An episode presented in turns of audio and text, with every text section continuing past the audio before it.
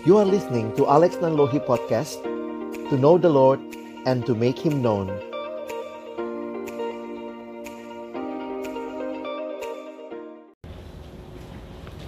Bapa di dalam surga, kami datang dalam ucapan syukur kepadamu ya Tuhan. Terima kasih karena sungguh Engkau baik dan Engkau menyatakan kebaikanmu di dalam kehidupan kami. Kembali hari ini kami bersyukur kami boleh datang bersekutu memuji memuliakan namamu. Dan tiba waktunya bagi kami untuk membuka firman-Mu ya Tuhan. Kami mohon ketika kami akan membuka firman-Mu, bukalah juga hati kami Jadikanlah hati kami seperti tanah yang baik, supaya ketika benih firman-Mu ditaburkan itu boleh sungguh-sungguh berakar, bertumbuh, dan juga berbuah nyata di dalam kehidupan kami. Berkati baik hambamu yang menyampaikan, semua kami yang mendengar. Tuhan tolonglah, agar kami bukan hanya jadi pendengar-pendengar firman yang setia, tetapi mampukan dengan kuasa, dengan pertolongan dari rohmu yang kudus kami dimampukan menjadi pelaku-pelaku firman-Mu di dalam hidup kami, di dalam keseharian kami. Bersabdalah ya Tuhan, kami umat-Mu sedia mendengarnya. Di dalam nama Tuhan Yesus Kristus yang adalah firman yang hidup, kami menyerahkan pemberitaan firman-Mu. Amin. Shalom. Selamat Paskah Bapak Ibu Saudara kita biasanya tidak lazim ya bicara selamat pasca. Kalau Natal agak beda Bapak Ibu ya. Natal biar Januari ketemu, eh masih bilangnya selamat Natal. Kalau pasca itu pas paskahnya aja biasanya ya. Jadi saya tidak tahu Bapak Ibu sudah sampaikan selamat pasca kiri kanan. Ayo kita sampaikan dulu selamat pasca. Tuhan Yesus berkati kita sekalian ya. Baik, Memang pasca kala meriah sama Natal, Bapak Ibu ya, apalagi Natal kan pas sale akhir tahun ya. Padahal Bapak Ibu tahu di dalam sejarah gereja dicatat ternyata baru pada tahun 313 gereja merayakan Natal. Perayaan yang ada sejak awal adalah Paskah. Bahkan ibadah kita hari Minggu karena kita memperingati kebangkitan Kristus, Paskah. Jadi kalau Bapak Ibu rajin ke gereja, walaupun online mungkin ya, satu tahun Bapak Ibu sudah ikut 52 kali Paskah. Tambah malam ini 53 kali. Tambah punguannya, tambah apanya, tambah ininya sudahlah ya. Rame Bapak Ibu. Kenapa Paskah menjadi begitu luar biasa? Banyak yang bilang Natal dong. Ya, tentu Natal tidak terlepas dari Paskah. Easter proof that Christmas was real. Dan yang menarik Bapak Ibu Saudara sekalian, Yesus bangkit, inilah yang menjadi pengharapan terbesar kita. Saudara tahu, semua pendiri agama punya hari kelahiran. Tetapi hanya Yesus yang punya hari kebangkitan. Pendiri-pendiri yang lain masih ada di kuburnya, kuburnya disakralkan, dijadikan museum, orang datang, tetapi kuburannya masih terisi. Yesus kuburannya kosong. Dan karena itu saya mengutip kalimat berikut. Pendeta Stephen Tong mengatakan, karena kuburan Yesus kosong, maka hidup dari pengikut-pengikutnya terisi. Karena dia sudah keluar dari kubur hingga dia bisa berada di dalam hati kita. Puji Tuhan. Bapak Ibu Saudara yang dikasihi Tuhan, tema malam hari ini adalah tema yang sangat menarik di dalam Roma. Tapi saya mengajak kita akan melihat bukan hanya ayat 38 dan 39 seperti tema kita. Kita akan melihat sedikit konteksnya dari ayat yang ke-28. Mari Bapak Ibu sekalian, kalau bisa ikut membaca, maka saya minta Bapak Ibu sekalian membaca ayat yang ganjil saya akan mulai membaca ayat yang genap. Roma 8 ayat 28 sampai 39. Karena kita tahu sekarang bahwa Allah turut bekerja dalam segala sesuatu untuk mendatangkan kebaikan bagi mereka yang mengasihi Dia, yaitu bagi mereka yang terpanggil sesuai dengan rencana Allah. semua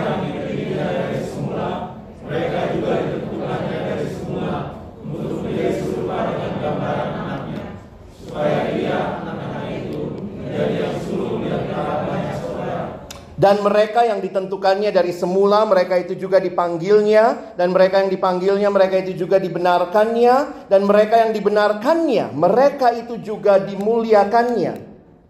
Sebab itu apakah yang akan kita katakan tentang sama Jika Allah tidak kita, siapa yang akan melawan kita?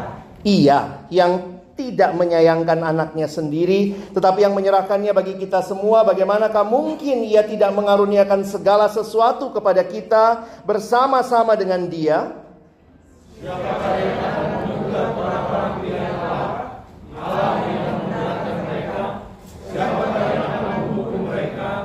Kristus Yesus yang telah mati, bahkan lebih lagi, yang telah bangkit yang duduk di sebelah kanan Allah yang malah menjadi pembela bagi kita?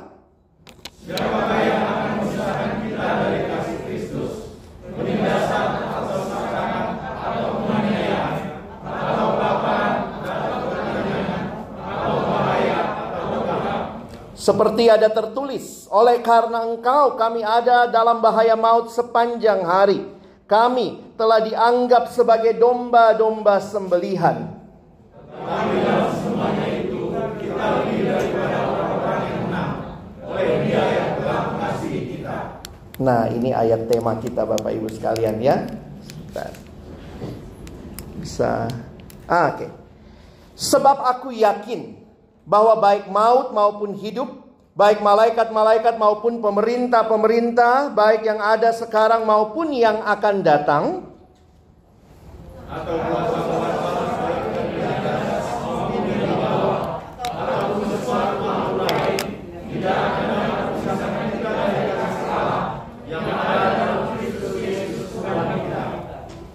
Tidak ada yang bisa memisahkan kita dari kasih Allah. Bapak Ibu Saudara yang dikasihi Tuhan, hidup kita sebagai murid Tuhan tidak selamanya mengalami kelancaran. Kalau Bapak Ibu perhatikan penderitaan, kesukaran hidup menjadi bagian yang nyata dari hidup beriman setiap kita. Tetapi kita diberikan kekuatan keyakinan bahwa bersama dengan Yesus kita dimampukan untuk mengatasi hal tersebut. Bapak Ibu, kenapa ini menjadi penting di dalam hidup kita? Karena saudara dan saya tidak sedang hidup tanpa pergumulan. Ada yang bilang ya mendingan kita mati saja. Sekarang kalau nonton drama-drama apa tuh Korea, eh bunuh diri lah gitu ya. Masalah dikit, ah udahlah selesai hidupku. Betul, Apakah itu menyelesaikan masalah? Saudara tinggalin masalah buat yang nguburin saudara, begitu ya. Saat ini menjadi pergumulan, apa yang membuat saudara dan saya bisa bertahan di dalam situasi dunia ini? Maka menarik sekali di dalam kitab Roma, kalau Bapak Ibu perhatikan ya, kalau ada waktu nanti baca dari Roma 6, 7, dan 8. Kalau Bapak Ibu perhatikan, Roma 6 ini bicara tentang hidup yang berkemenangan di dalam Kristus.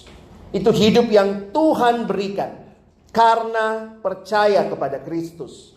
Roma pasal yang ketujuh bicara tentang hidup dalam kebebasan yang sesungguhnya dan ayat yang jadi tema kita sebenarnya adalah sebuah keyakinan bahwa kita aman di dalam Tuhan. Karena itu pergumulan hidup seharusnya tidak membuat kita meragukan kasih Allah. Bapak Ibu, saya bisa main sulap. Ini pendeta atau pesulap ya. Dalam hitungan ketiga, saya akan buat semua Bapak Ibu hilang. Mohon yang datang sama keluarga pegang baik-baik tangannya. Siap Bapak Ibu ya. Dalam hitungan ketiga, saya akan buat semua Bapak Ibu hilang. Siap? Satu, Jangan tegang, santai. Dua. Tiga. Bapak Ibu hilang semua.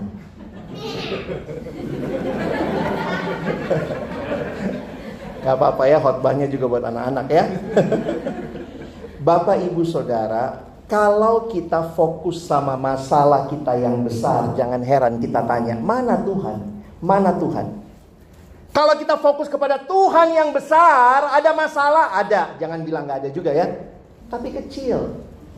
Pergumulan kehidupan membuat kita sering kali merupakan bahwa ada Allah yang kasihnya sudah begitu nyata buat kita. Karena itu kenapa Paulus harus tulis sebuah rangkaian panjang apa yang sudah Tuhan berikan bagi kita. Nah ini jadi menarik Bapak Ibu sekalian ya. Mari kita tidak kehilangan fokus dalam hidup ini. Itulah tema yang kita mau renungkan hari ini. Fokus yang Paulus ingin saudara dan saya lihat hari ini adalah lihatlah kepada Allah. Ada tiga bagian yang Bapak Ibu Saudara bisa lihat tentang Allah. Dia adalah Allah yang memelihara, God's providence. Dia Allah yang punya tujuan buat hidup saudara. Dan dia Allah yang mengasihi setiap kita. Kita lihat satu-satu dulu ya. Jadi ini kan lagi bicara keyakinan bahwa Allah memelihara, Allah punya tujuan, dan karena itu juga Allah adalah Allah yang mengasihi sampai akhirnya. Saudara ayat yang ke-28 kalau Bapak Ibu Saudara, ini ayat sering ya, ulang tahun kasih ayat ini, orang kematian kasih ayat ini, orang kedukaan apa ya, Allah berturut bekerja dalam segala sesuatu. Apa yang disampaikan di dalam ayat ini? Saya mengutip penjelasan seorang pendeta bernama John Stott, dia mengatakan bahwa di dalam ayat ini ada lima keyakinan yang tidak tergoyahkan. Bahwa keyakinan ah, Tuhan sedang bekerja dalam hidup kita, Tuhan bekerja untuk kebaikan umatnya, bahwa Tuhan melakukannya dalam segala sesuatu bagi mereka yang mengasihinya dan yang telah dipanggil sesuai rencananya. Bapak Ibu kalau kita renungkan satu persatu keyakinan ini, maka seharusnya kita tidak takut bahwa hidup kita ada di dalam pemeliharaan Allah. Ada di dalam God's providence. Bapak ibu saudara, kadang-kadang kita merasa Tuhan tidak peduli dengan kita.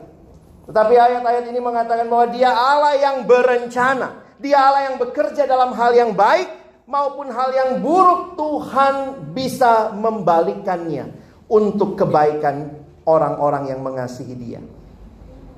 Bapak Ibu kadang sulit ya menghayati dan meyakini hal ini. Karena itu Paulus ingatkan, tidak ada satupun dari kita yang hadir di dunia ini di luar rencana Allah.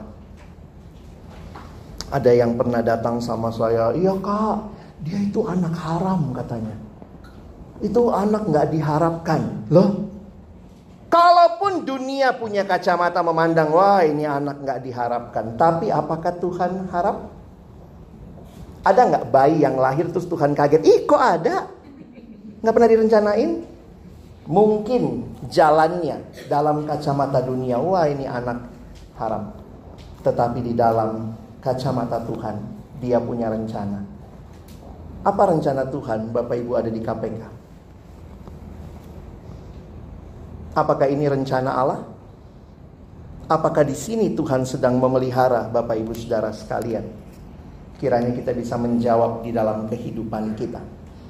Bukan hanya berhenti sampai di situ. Paulus lagi fokus. Kalau Bapak Ibu lihat ayat 29 sampai ayat 30. Nah ini kalau kita pilah-pilah lagi ya. Ini sudah kita baca. Saya nggak ajak kita baca lagi. Kita ketemu lima hal lagi. Lima hal. Lima penegasan yang tidak dapat disangkal. Undeniable affirmations. Ayat 29 sampai ayat 30.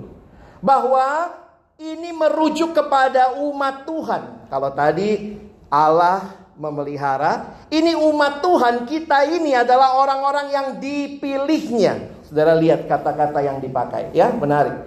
Dipilihnya dari semula, yang telah ditentukannya, yang juga dipanggilnya, yang dibenarkannya, yang dimuliakannya. Sedikit kalau kita tertarik penafsiran Alkitab kata yang dimuliakan sebenarnya kan belum terjadi.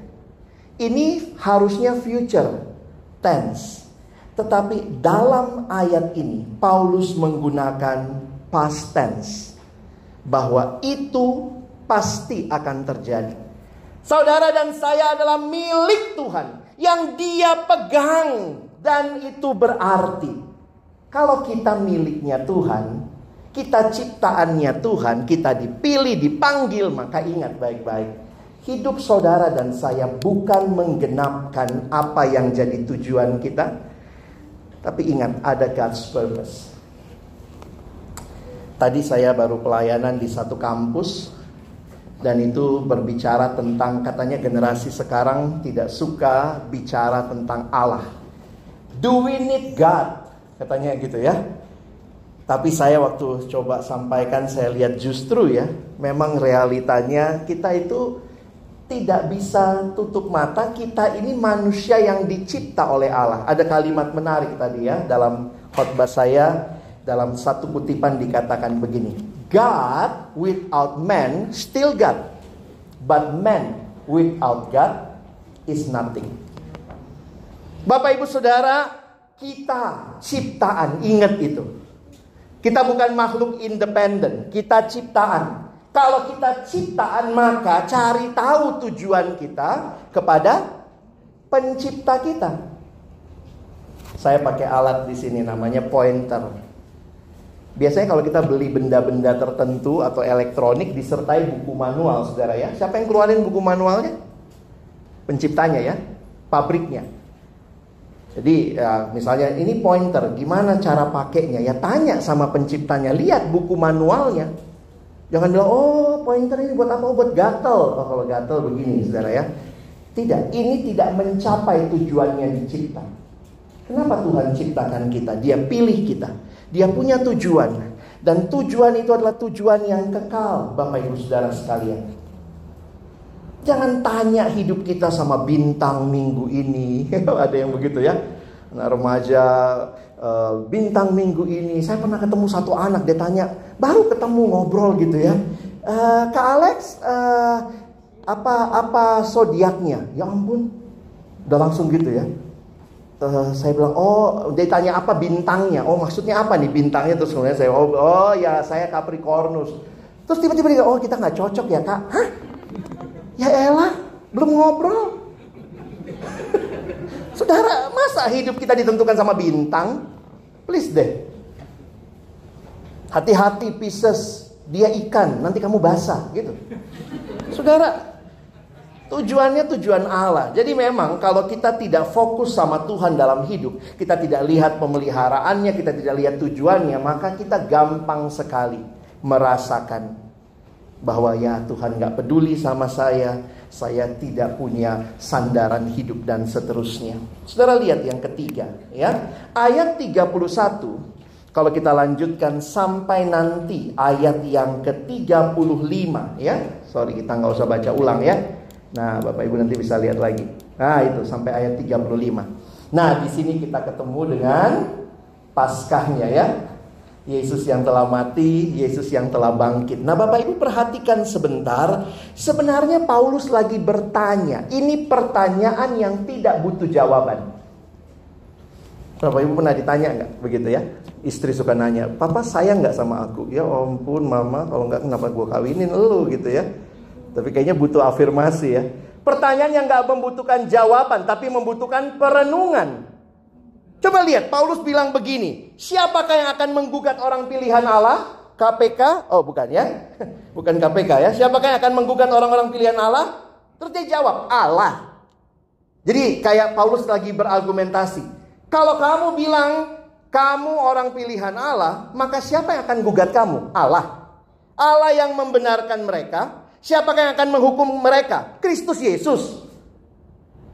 Kadang-kadang kalau kita baca ini, ini kayak Paulus kayak sedang membombardir gitu ya. Bapak Ibu siapin berapa list pertanyaan kalau lagi interogasi gitu ya. Ini pertanyaannya Paulus dia sudah buat dan ada berapa pertanyaan?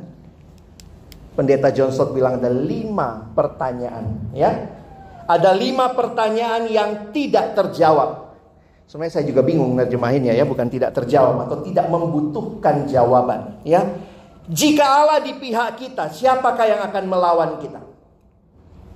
Ia yang tidak menyayangkan anaknya, masa Allah yang melawan kita kalau kita di pihak Allah? Kira-kira gitu ya. Nah, ini cara bacanya. Nanti kalau Bapak Ibu perhatikan ya, Paulus juga sudah punya list pertanyaan.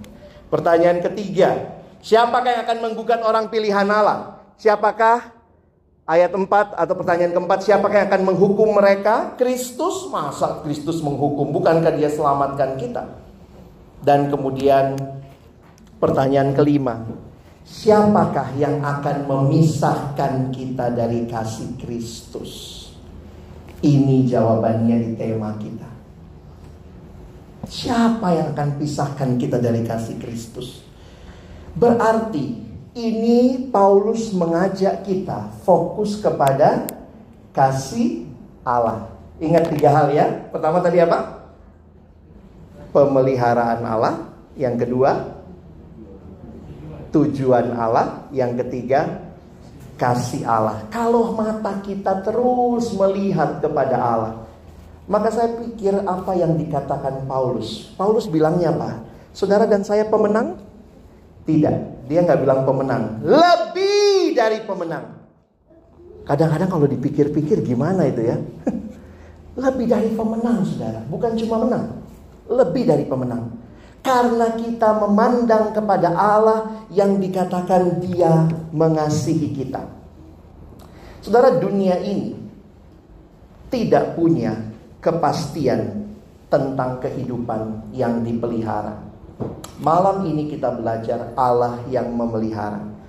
Dunia ini tidak punya tujuan yang jelas. Malam ini kita tahu tujuanku ada pada Allah.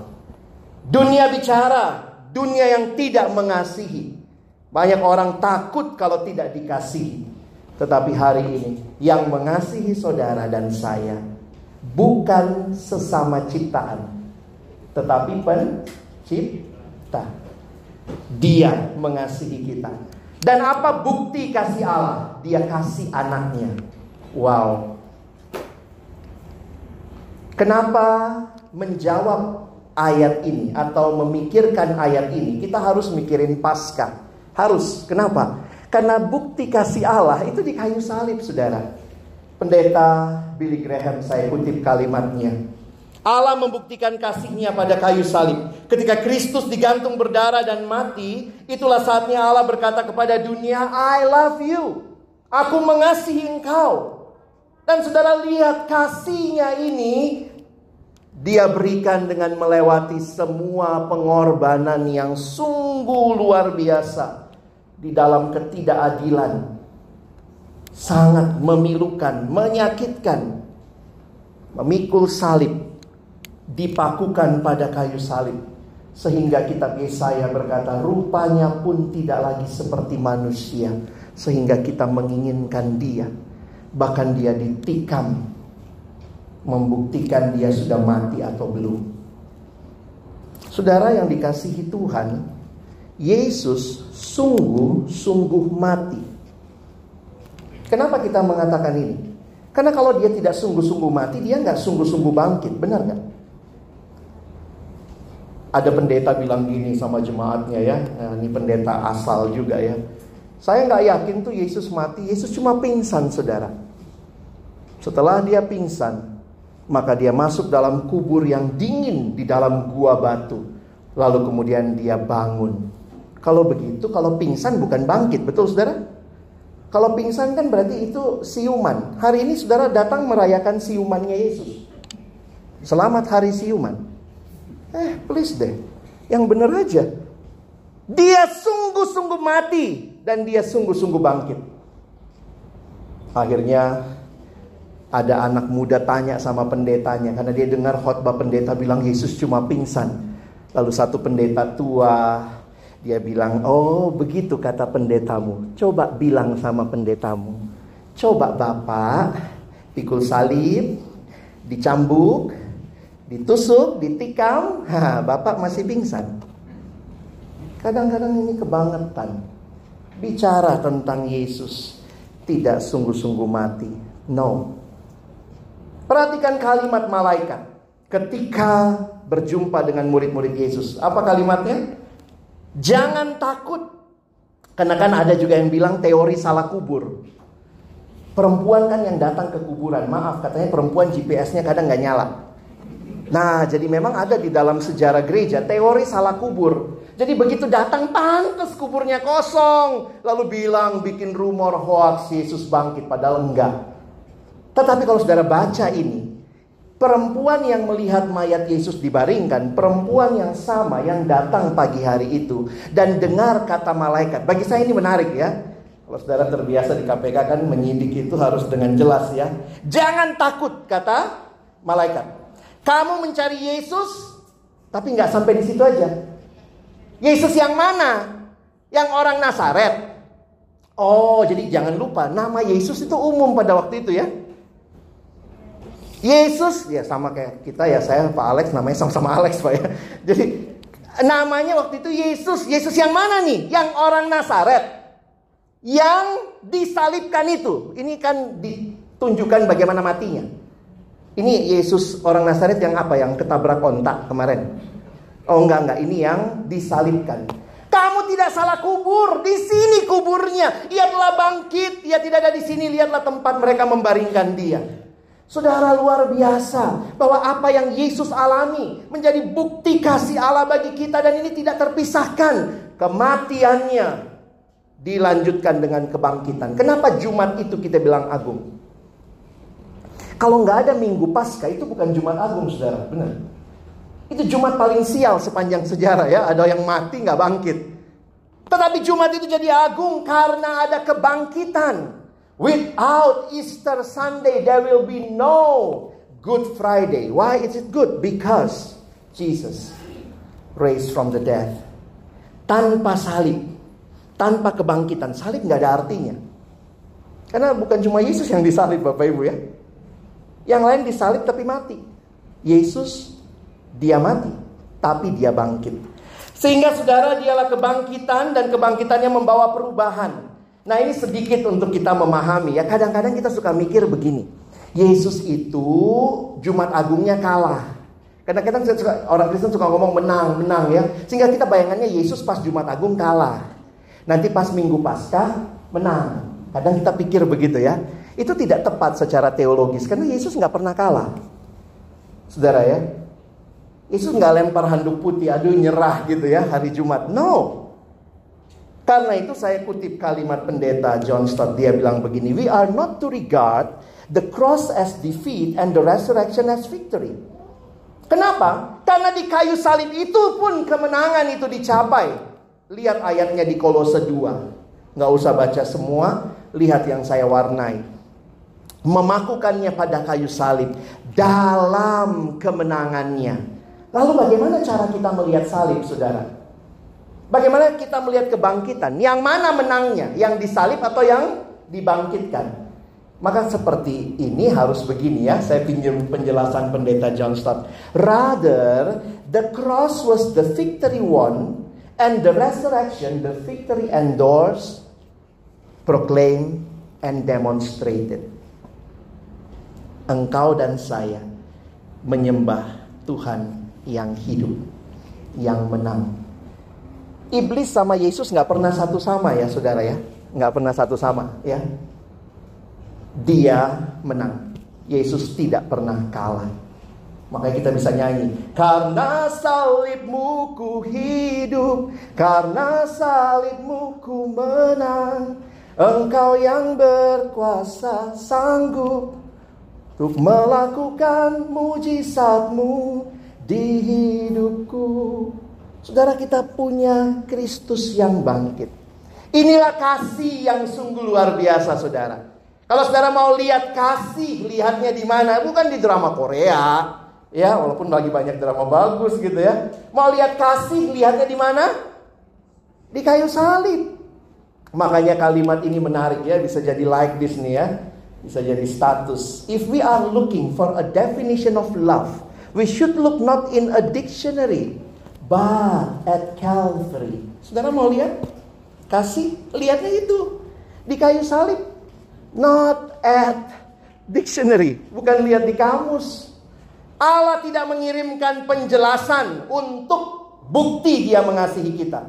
Dia mengirimkan anaknya bagi kita. Karena itu kalau saudara mengerti tema ini luar biasa ya. Kalau anak sekarang ditanya, love itu gimana? Semuanya bilang kayak gini, ini love ya, sarang, sarang gitu ya. Oh mau lebih gede, ini sarang gitu ya. Saudara, this is not love. This is love. Inilah kasih itu dalam versi kita. Jadi pendeta John Stott simpulkan ya, kita lihat penjelasannya. Saya senang sekali dengan cara dia menjelaskan. Dia bilang begini, kalau kita gabung ada lima keyakinan Tuhan memelihara, ada lima keyakinan tujuan Allah yang jelas, ada lima penegasan bahwa tidak ada yang bisa memisahkan kita dari kasih Kristus. Lima tambah lima tambah lima digabung, saudara di dalam ayat ini punya lima belas assurances. Ada yang punya lima belas asuransi? ini keyakinan kita bahwa Tuhan ada buat hidup kita. Kalau saudara fokus kepada kesetiaan Allah, ini melenyapkan ketakutan kita. Bahkan dilanjutkan sebenarnya ayat ini kalau saudara lihat sebenarnya ayat ini tiba-tiba muncul setelah semua itu ayat ini bilang apa? Paulus bilang seperti ada tertulis oleh karena engkau kami ada dalam bahaya maut sepanjang hari. Waduh, setelah dikasih keyakinan bukannya di bawahnya maka kamu tidak akan mengalami pergumulan. No, bukan itu yang Tuhan berikan. Tapi Tuhan bilang, Paulus kutip, ini kutipannya dari mana? Ini kan ayat-ayatnya menyedihkan ya. Setiap hari kamu akan seperti seperti apa? Seperti domba sembelihan. Saudara kalau hafal ayat pengennya hafal atasnya ya, nggak mau bagian ini ya. Pengalaman hidup umat Allah di sepanjang zaman sering kali seperti kata pemazmur yang dikutip Paulus itu aslinya Mazmur 44 ayat 23. Oleh karena engkau, jadi ini jelas karena ikut Tuhan kami ada dalam bahaya maut sepanjang hari. Saya kaget baca ayat ini. Ini ayat buat KPK kalian. Saudara ikut Tuhan, peduli dengan kebenaran, peduli dengan ketidakadilan, itu realitanya. Saudara akan alami bahaya. Aduh, bahayanya bukan cuma sedikit, saudara. Maut. Kita ada dalam bahaya maut sepanjang hari. Ada banyak halangan dan perlawanan dan apakah ada dari semua itu yang bisa memisahkan kita dari kasih Kristus? Sekali lagi Paulus jawab, no, tidak. Bahkan dalam situasi paling buruk kita lebih dari para pemenang. Bukan cuma menang, lebih daripada pemenang. Orang Kristen menang melalui dan mengatasi hal terburuk yang bisa hidup ini berikan. Apa sih yang paling buruk yang bisa kita alami? Mati kan, maut. Tapi Yesus yang saudara dan saya ikuti, dia sudah lewati kematian dan dia bangkit. Dan itu menjadi keyakinan buat kita. Allah selalu bekerja mendatangkan kebaikan bagi mereka yang mengasihi dia. Karena itulah saudara, ya. Ayat ini apa yang bisa memisahkan kita?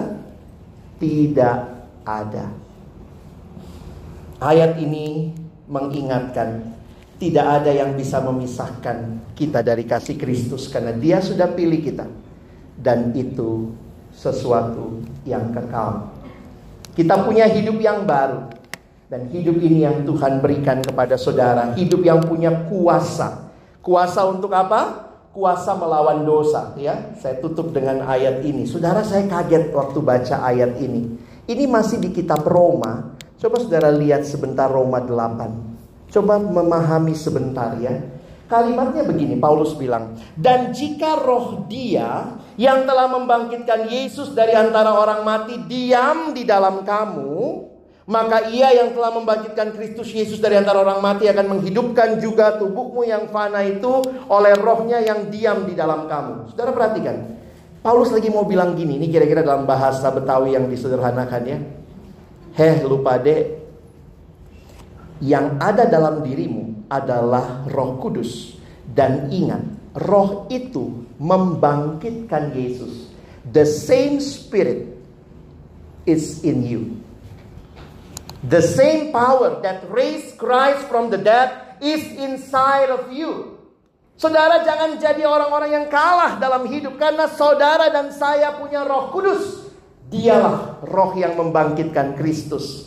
The Holy Spirit is God's power right inside of you. Sadarkah saudara bahwa kuasa Allah yang maha hebat itu ada bagi kita yang percaya? Bukan cuma tidak ada yang bisa memisahkan kita dari kasih Kristus, tapi dijamin perjalanan hidup kita ada kuasa Allah. God's power in us. Kuasa itu bukan hayalan, bukan impian, tapi realita yang dinyatakan dalam kehidupan melalui ketaatan kepada kehendak Allah. Orang percaya menikmati kuasa Allah yang hebat itu.